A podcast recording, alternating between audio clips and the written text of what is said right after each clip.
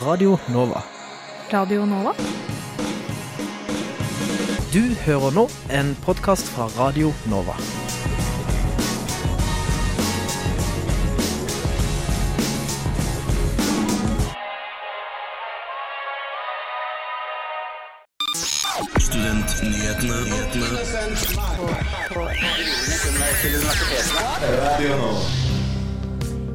Hjertelig velkommen til denne ukas Studentnyhetene her på Radio Nova. I studio er jeg, Celine Sensrud, og med meg har jeg Nora Nygaard. I dag så skal vi snakke om Unge nordmenn er på verdenstoppen når det kommer til gjeld. På Kringsjå har de bygd bærekraftige studentboliger, og vi var med på åpningen. Og i en ny undersøkelse vises at studenter mener at SIO har det dårligste tilbudet av mat og drikke blant campuskantiner i Oslo. Vi har med oss Venstrealliansen og kanskje SIO for å snakke mer om dette. Vi sender direkte fra den norske dokumentarfilmfestivalen i Volda. Og 84 psykologistudenter i Budapest står uten lisens og autorasjon. Nå, nå saksøker de den norske staten. Men først er det på tide med ukas nyhetsoppdatering.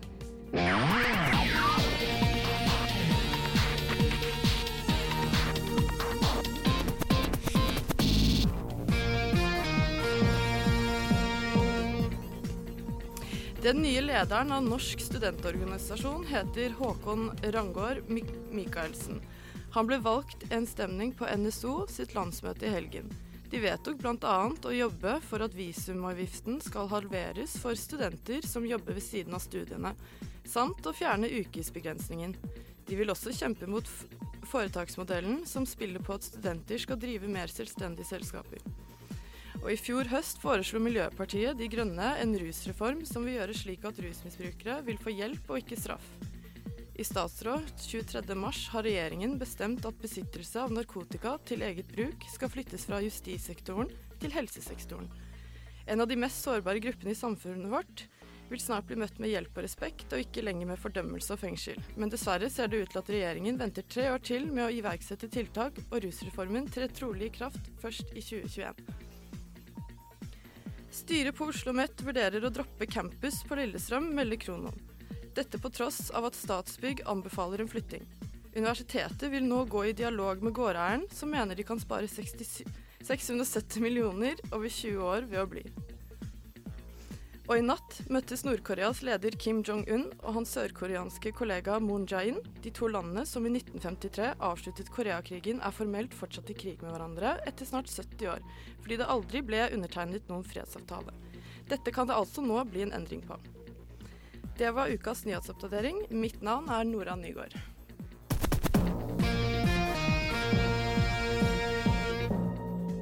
Nå skal du få høre Ni grader nord med hymn.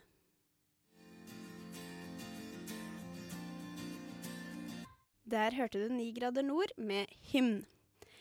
Unge nordmenn mellom 18 og 25 er i verdenstoppen når det kommer til gjeld. I 2017 hadde 235 millioner inkassogjeld. Det er en økning på hele 50% siden 2016. Vår reporter Selma Heiberg Hellstrand har snakket med en student som selv har brukt kredittkort, men fort merket at det ikke var en god idé. Nei, det var egentlig bare den tanken om at jeg, nå har jeg skikkelig dårlig økonomi, så hvorfor bare ikke låne ja, sin tusenlapp?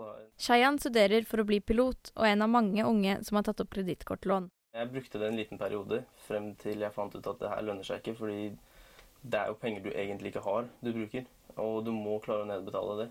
En undersøkelse gjort av DNB viser at 57% av unge i alderen 20 til 33 år bruker kredittkort aktivt. Finansrådgiver i DNB, Hanna Folkvord, mener at unge har for lite kunnskap om personlig økonomi. Vi ser jo en økende tendens da, til at unge tar opp mer og mer gjeld, og da er det primært kredittkort og forbrukslån som vi ser at de unge tar opp mer og mer av. Jeg tror nok det har mye med at det er veldig lett tilgjengelig. Um, og så tror jeg at det har noe med at uh, de unge ikke har nok kunnskap om, om konsekvensen av å ta opp kredittkortgjeld. Shayan tror det hadde vært mindre gjeld blant unge om man hadde lært mer om privatøkonomi på skolen. Ja, dersom man lærte om det, så hadde du hatt en mye større, bredere kunnskapsplattform å spille på.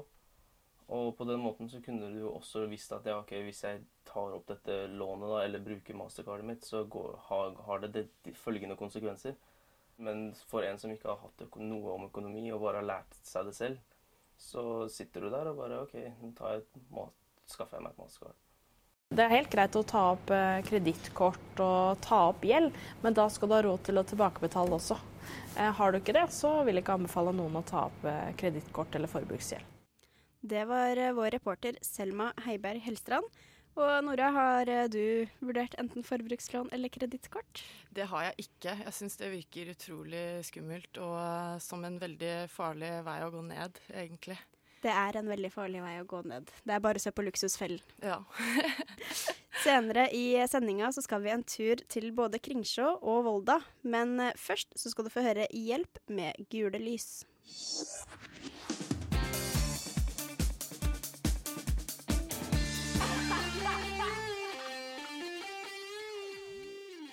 Der hørte du Hjelp med gule lys. I går så åpna SIOs nye bærekraftige studentboliger på Kringsjå. Bygget er i det miljøvennlige materialet massivt tre, og er et nær nullenergibygg. Kringsjå studentby skal være tilnærmet selvforsynt med fornybar energi til oppvarming og varmtvann, gjennom bl.a. energibrønner og solcellepanel. Ordfører Marianne Borgen klipte snora. Det skal komme mange flere boliger, er det allerede blitt sagt.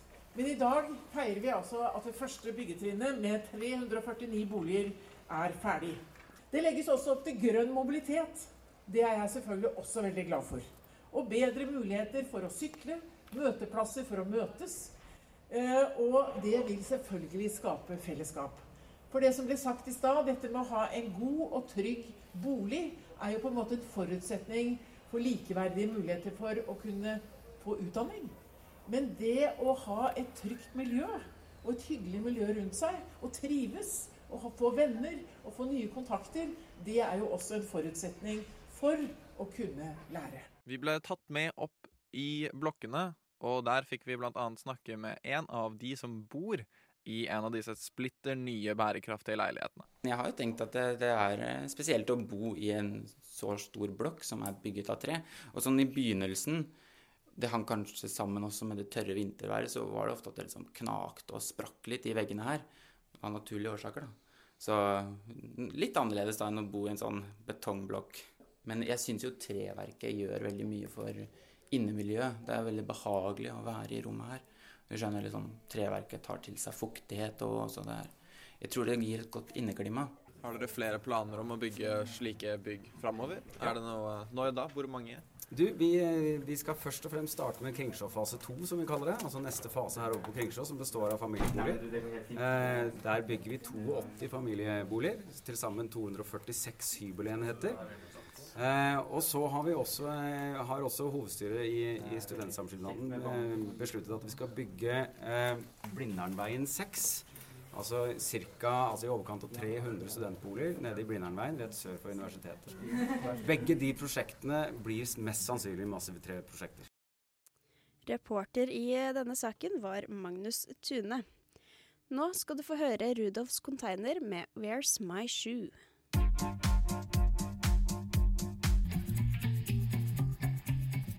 Det var Rudolfs Container med Where's My Shoe. Studentene har nå blitt orientert om resultatet av SIO sin omdømme- og profilundersøkelse, som bl.a. måler kundenes tilfredshet av SIO sitt tilbud. Resultatet er at SIO sine kantiner kommer verst ut med en score på 3,7 av 6.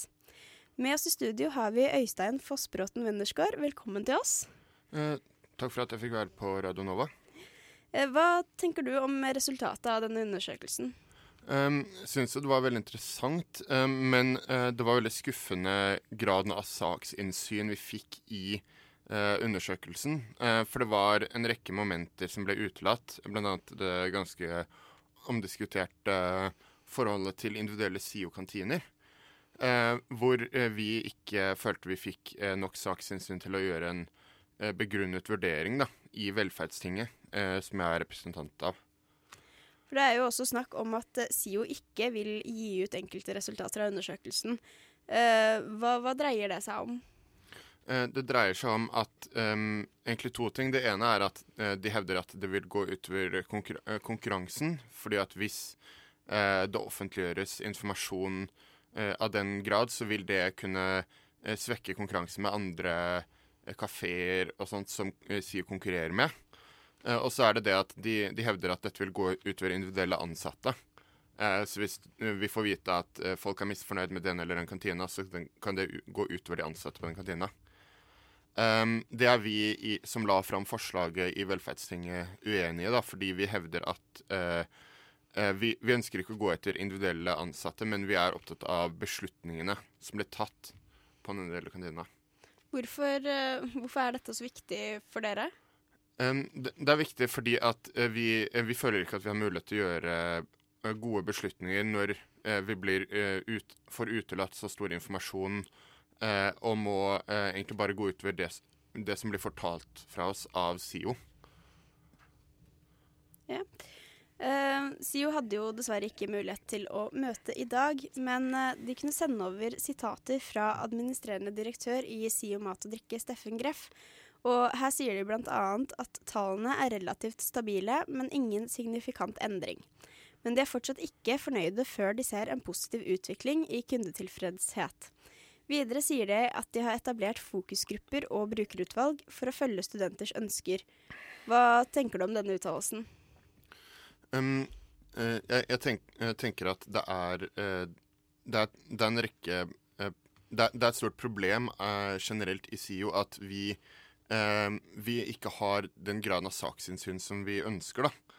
Um, og det, det kommer tilbake til at SIO som en virksomhet er unndratt eh, fra offentlighetsloven, som bl.a. er påpekt av Universitas.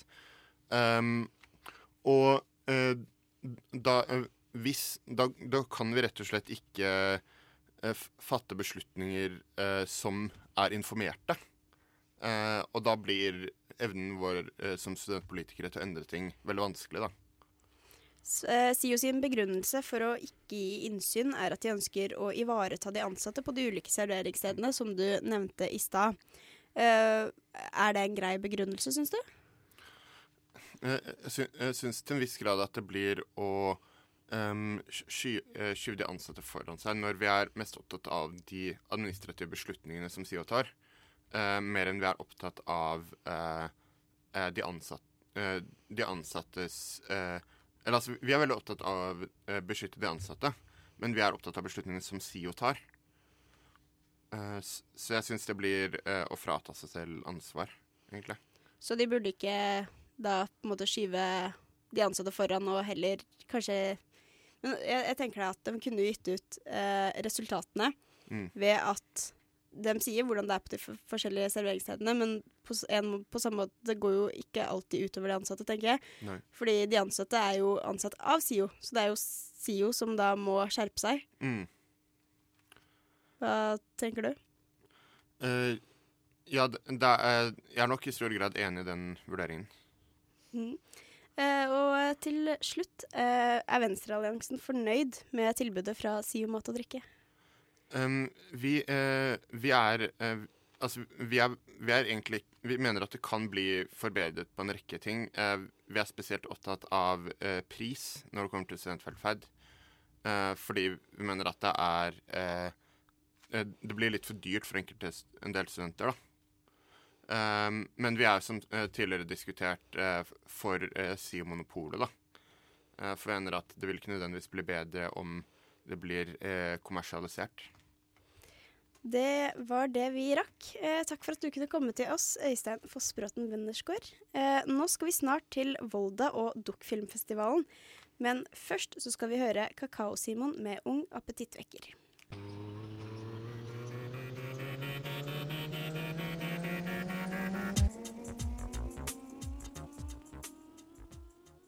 Det var Kakao-Simon med Ung appetittvekker. Nå så skal vi til Volda, for på onsdag så starta Dukkfilmfestivalen der. Filmfestivalen er den største og eldste festivalen på norsk dokumentarfilm og arrangeres av studenter fra Høgskolen i Volda. Og vi har med oss reporter Ingar Jakob Feiring, og du er direkte på festivalen. Hva skjer? Det stemmer. Akkurat nå så står jeg utenfor uh, Samfunnshuset, kinoen i Volda. Og her vil mange av de eh, hele 70 filmene vises, bl.a. Erik Poppies film 'Per Fugles siste respekt' her i kveld. Og i tillegg til mange andre filmer, eh, foredrag, fest og prisutdeling, ikke minst i, i morgen. Men nå har jeg med meg leder Oda Neskolen i Dukkfilm og nestleder Camilla Tellefsen. Velkommen. Tusen takk. Takk skal du ha. Og eh, ja, dere driver altså og lager dukkfilm. Hva, hva, hva er liksom forventningene til årets festival? Ehm, forventningene er vel egentlig det at vi kan fortsette å gjøre dokkfilm til et sted hvor bransje og publikum kan møtes og finne en felles interesse. Uh, og dele det som vi syns er det fine med dokkfilm, å ha dokumentarfilm og uh, non-profit.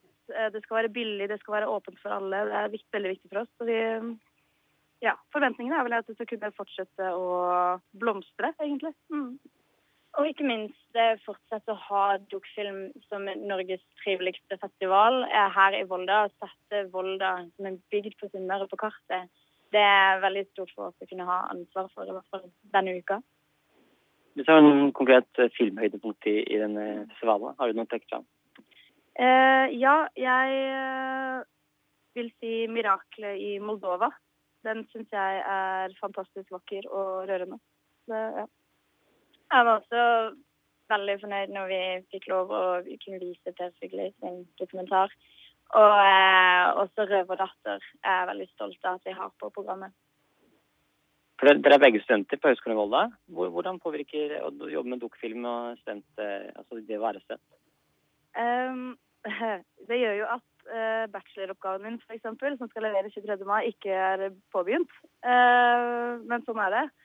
Eh, men samtidig så gjør det at du får en helt annen uh, Altså helhetsfølelse på hvordan det er faktisk å være student i Volda. For det innebærer ikke bare å være student eh, og studere, men det innebærer å ta del i det som skjer. Eh, frivilligheten er jo det som er, holder bygda sammen her, så det er veldig viktig at man finner tid til det òg. Er det samme for deg, eller? Definitivt. Jeg husker både meg og Oda har vært med siden første året her, at jeg hadde ingen forventninger til festivalen da jeg kom første året. Men det har blitt noe av det beste høydepunktet gjennom de tre årene her i Volda.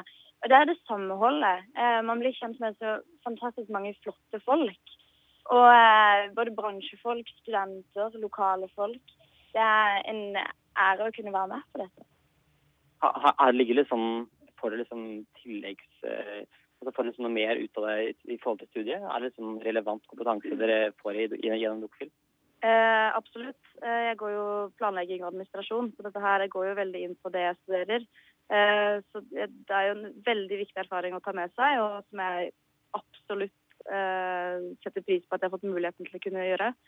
Eh, utenom det så er det jo den erfaringen med å altså, eh, ikke bare drive en festival, men du får så mye mer av eh, mennesker du møter innenfor både bransje og publikum, eh, venner, du får altså, man blir så tett knyttet eh, på denne lille plassen her, da. Så du sitter alltid med de følelsene etterpå at wow, jeg har vært en del av noe litt større og kulere. Så det, ja. Ja, jeg går jo jeg tar jo bachelor i journalistikk, og det er jo definitivt relevant for det jeg utdanner meg til. Og kunne, jeg har fått mye større sansen for dokumentarjournalistikk, og det er jo noe jeg har lyst til å gjøre videre, og det er av denne festivalen. Og så er det jo et sted hvor man kan knytte kontakter og bli kjent med folk. Er skolen, er skolen positiv til at det brukes mye tid på festival? Eh, Høgskolen i Volda er jo en sponsor av oss. Eh, både Høgskolen i Volda og også Avdeling for mediefag, og det setter vi veldig stor pris på. Eh, de er jo med på at vi kan gjøre det mulig, så de er jo veldig fornøyd med at vi fortsetter å lage festival. Eh, når det kommer til kanskje forelesere og sånn, eh, så tror jeg kanskje ikke de syns det er så veldig kult at vi driver med dette her. Men ja ja. Det går vel bra det òg, tenker jeg. Jeg vet ikke helt så happy mine forelesere er at jeg har bachelorinnlevering til fredag. Jeg har så vidt begynt, egentlig, pga. dukkfilm. Men det ordner seg alltid. De er veldig positive. Eh, de fleste som jobber på avdeling for mediefag på høyskolen, er til stede her under festivalen. og de trives veldig godt.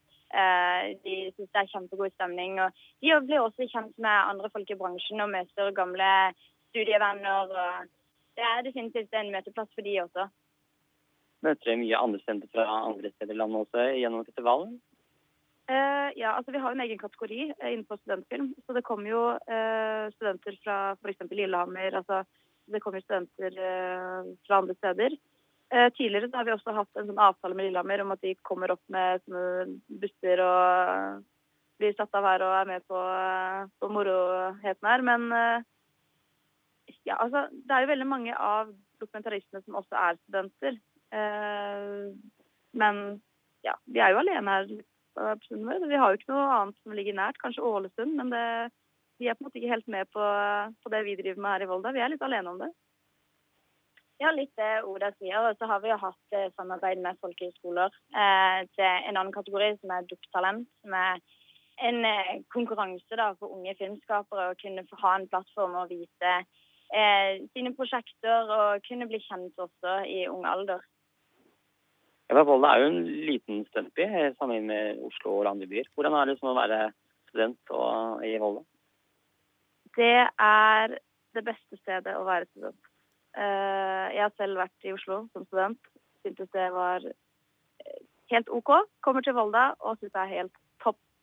Eh, det som er fint med å være student i Volda, er at det er Altså, du blir veldig godt kjent med alle mennesker på tvers av studieretninger. Eh, du har de faste møteplassene på en måte, som gjør at du hele tiden eh, møter de samme menneskene, og også veldig mange nye mennesker. Eh, så ja, du blir kjent med utrolig mange flotte mennesker her. Og så har vi jo en vakker natur rundt oss, og det er jo selvfølgelig med på å gjøre studietilværelsen her ekstremt mye bedre. Mm.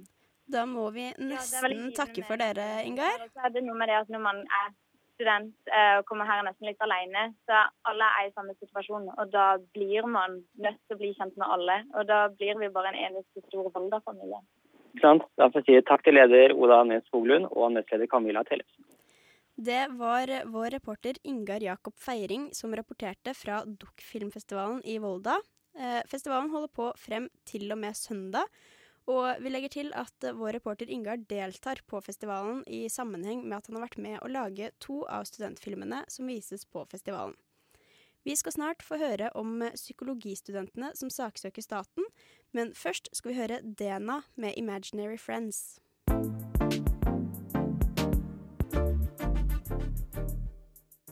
Der hørte du Dena med 'Imaginary Friends'.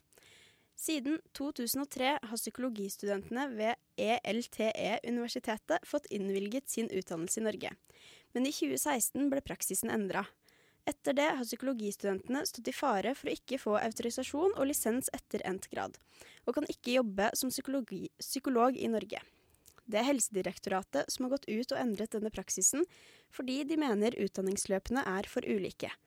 Vi har med oss over telefonen i dag Tord Skagestad Wold, som er lokallagsleder i Psykologiforbundets lokallag i Budapest. Hei, hei. Hallo, ja. Hei. Eh, er det noen store forskjeller mellom de ulike utdanningsløpene i Norge og ved universitetet i Budapest? Du, Det er fint at du spør om det. fordi at eh, Vi mener jo at det ikke er så store forskjeller. Men at eh, forskjellen handler i hovedsak om eh, struktur og ikke innhold. Eh, I tillegg så er det jo også veldig store forskjeller innad eh, i Norge mellom profesjonsutdanningene i f.eks. Tromsø, Trondheim, Oslo osv. Så, videre. så egentlig for oss så handler hele saken her om en begrepsmisforståelse av ungarsk psykologtittel. Og det handler egentlig ikke om kvaliteten på utdanninga vår, tenker vi da. Ja, eh, for Det kom en rettelse fra helseminister Bent Høie om at de som har starta på mastergraden før 2016, likevel skulle få autorisasjonen. Men eh, enda så er det mange studenter uten sikkerhet for utdannelsen sin. Eh, dere har derfor valgt å saksøke staten. Hvorfor valgte dere å gjøre det? Ja, altså Det her er jo vært en veldig lang prosess. Og eh, kjernen i problemet, eh, i tillegg til begreps misforståelsen, så er det jo gjort en rekke saksbehandlingsfeil. Eh, vi føler ikke at vi har eh, blitt hørt. Eh, det har vært en rekke altså feil i forhold til hva faktisk vi mangler da, i, i utdannelsen vår. Sånn at når løsninga kom fra Bent Høie, så gjaldt den bare en viss eh, andel av studentene. Så to, uh, unnskyld, tre av seks kull har fortsatt ikke noe løsning, selv om vi har akkurat de samme uh, kvalifikasjonene. Så I forhold til akkurat konkret hvorfor vi må gå til sak, så ønsker vi jo da å få anerkjent den kompetansen vi faktisk har, og de rettighetene vi har i forhold til at både den danske kandidatutdanninga og den polske profesjonsstudiet får anerkjent de her rettighetene til å jobbe som psykolog i Norge, mens vi forskjellsbehandles i forhold til det. Ja, for Den norske stat må forholde seg til EØS-avtalen, og den pålegger en gjensidig forståelse og godkjennelse av utdanning. Dere har klaget inn Helsedirektoratet til ESA-domstolen over denne loven. Eh, hvorfor mener dere at Helsedirektoratet har brutt, brutt med dette, og hvilke konsekvenser ønsker dere at skjer fra det her? Ja, altså Selve bruddet ligger jo i at uh, de grunnene som uh, Helsedirektoratet la eh, for avslaget, de har endra seg betraktelig ut ifra når vi har gitt tilbakemelding på de her feilene. Det starta med at vi ikke hadde regulert tittel, eh, og så at ikke vi hadde godt nok innhold. Eh, og så plutselig eh, endra de til at utdanninga vår ikke var regulert. Og det siste nå er at vi er utdannet til et annet yrke. Sånn at det er mye for ESA her å ta tak i. Ehm, vi har en regulert utdanning som etter EØS-direktivet skal gi oss de de samme rettighetene som de danske og polske profesjonsstudentene har. Eh, for å få råd til eh, å gå til dette søksmålet, så satte dere i gang en innsamlingsaksjon på spleis.no. Eh, hvordan går det? Jo, vi er jo i mål nå. Det har vært utrolig god eh, tilbakemelding fra, fra støtte eh, Altså fra folk som har ønska å støtte saken vår. Eh, vi har fått inn over 300 000 via Spleis. Og i tillegg har studentene samla en, eh, en, eh, god slump, eh, over 300 000 selv. Så um, det har vært veldig mye støtte å hente i denne saken her fra, fra, fra folk rundt oss. For det er, det er, menneskene rundt dere som har støtta? Det er ikke f.eks. psykologer og andre folk som har allerede utdannelsen sin? Ja, vi har også fått en del støtte fra uh, fagmiljøet. Det har vært Eh, flere som har kommet med medieuttalelser. Eh, det har vært eh, veiledere og enkelte klinikker ute i distriktet som, som, virkelig setter pris på den kompetansen vi har, og mener at vi, vi representerer like gode eh, psykologer som, som, de som utdannes i, i, Norge eller Danmark eller andre plasser. Sånn at eh, Det er litt uforståelig for oss at, at, at vi faktisk har kommet til det punktet at vi ser eneste mulighet som å gå til rettssak mot norske helsemyndigheter. Hvordan eh, har situasjonen eh, påvirka de studentene som det gjelder? Ja, som, eh, som leder i lokallaget så får jeg jo en del henvendelser. Og det er veldig tydelig at det har, det har påvirka folk betraktelig. Denne usikkerheten rundt situasjonen vår. Ehm, vi har jo eh, jobba beinhardt altså, for å komme i mål med, med studiet på LT. Vi har uh, veldig mange fag, veldig mye undervisning uh, per, per, uke. Um, vi har veldig høy studiebelastning på LT.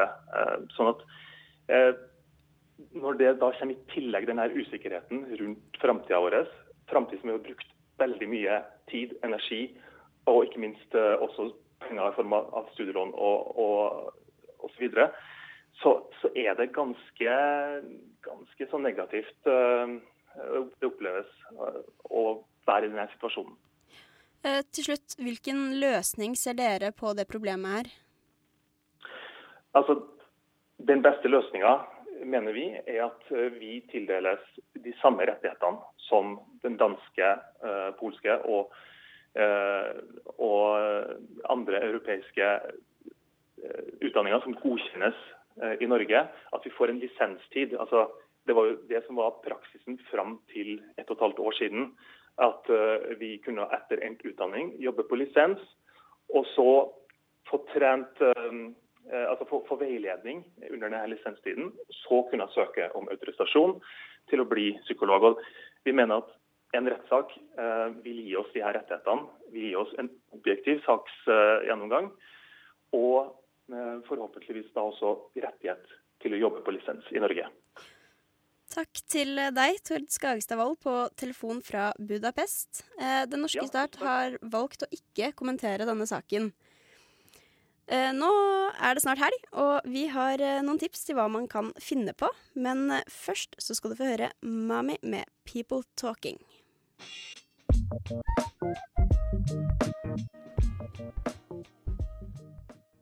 Der hørte du Mami med 'People Talking'.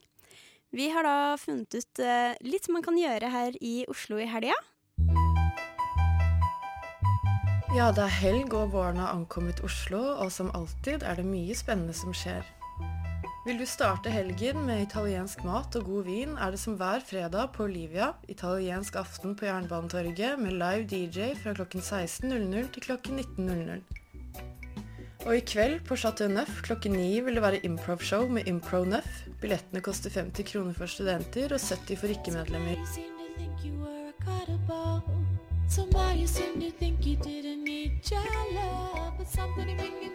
Og på lørdag på dagtid vil det være salg av kunst fra unge, lovende kunstnere på Ingensteds i Brønneriveien 9 fra klokken 12 til klokken 18.00. Fra klokken ti på kvelden til klokken tre vil de også ha Tropic Magnifique, som adverteres for å være en kveld som skal hylle African og South American rarities med deep disco og funk tracks. Og hvis du vil runde av søndagen med en kino, så går Loving Vincent på Gimle klokken 21.00. Hele filmen består av 65 000 oljemalerier i hans stil som illustrerer fortellingen om hans liv er verdens første oljeanimerte langfilm.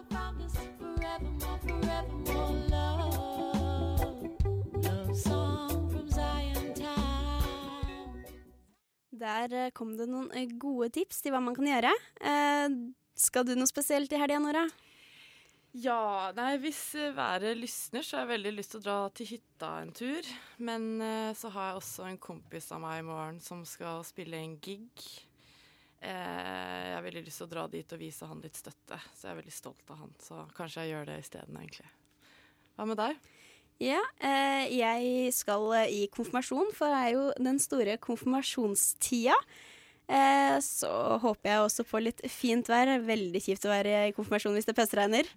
Bortsett fra det så håper jeg jo eventuelt på å kunne ta en ytepils og en tur rundt Akerselva f.eks. Det er en veldig fin tur. Mm. Eh, tekniker Marius, skal du noe spesielt i helga? Ja, altså eh, Ja. Eh, det er jo radiofaglig dag på, her på Radio Nova, da. Eh, vi har sånn liten intern mingling hvor vi lærer litt Ja. Har noen foredrag og noen flinke radiofolk og får litt sånn inspirasjon og, og sånt. da. Det skal, det skal, jeg på lørdag. Eller så skal jeg sannsynligvis på visning på søndag.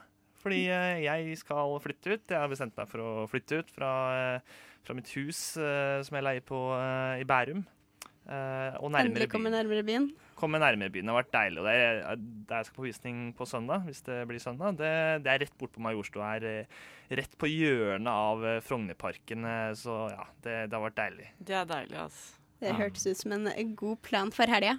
Lykke til med det, visningen. Jo, takk, takk så er det jo forhåpentligvis Det er meldt fint vær, så vi håper vel på at uh, det slår til, sånn at uh, alle kan nyte sola litt uh, i helga. Det ser litt sånn ut allerede. Litt blå ja. himmel der ute. Vi sitter jo og ser rett ut på været, og det ser ut som at det skal lysne. Det skal så. det, tenker jeg. Det er masse mørke skyer sånn utover, altså nordvestover, da. Men, Men det forsvinner herfra. Ja satse på det. Planen er iallfall uh, å grille i morgen kveld, uh, forhåpentligvis. Så det, ja, det, det, er det jeg satser på, da. ja, da var det egentlig det vi rakk for i dag. Uh, du kan gjerne følge oss på Facebook og på Instagram. Du kan høre podkastene våre via iTunes, Soundcloud eller på radionova.no. Vi har også en gjeng som har vært i Barcelona, som litt innimellom kommer med noen fine innslag derifra. Ja, og det, da blir det en podkastproduksjon som vi eh, jobber med, som, eh, som eh, ja, nok blir ferdig om, eh, om noen uker. Hvor du virkelig får vite litt sånn ja, eh, hva, hvorfor det er så stor eh, splid der, om eh, man skal være i Spania eller ikke. For det er veldig delte meninger om dette. Og eh, vi hører stadig om fengslinger av eh, motstandsbevegelsen, eh, f.eks. Ja, da må vi følge med på det.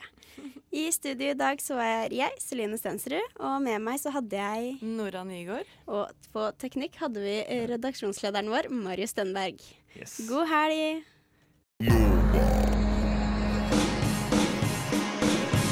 Du har hørt en podkast fra Radio Nova. Likte du det du hørte? Du finner flere podkaster i iTunes og på våre hjemmesider radionova.no.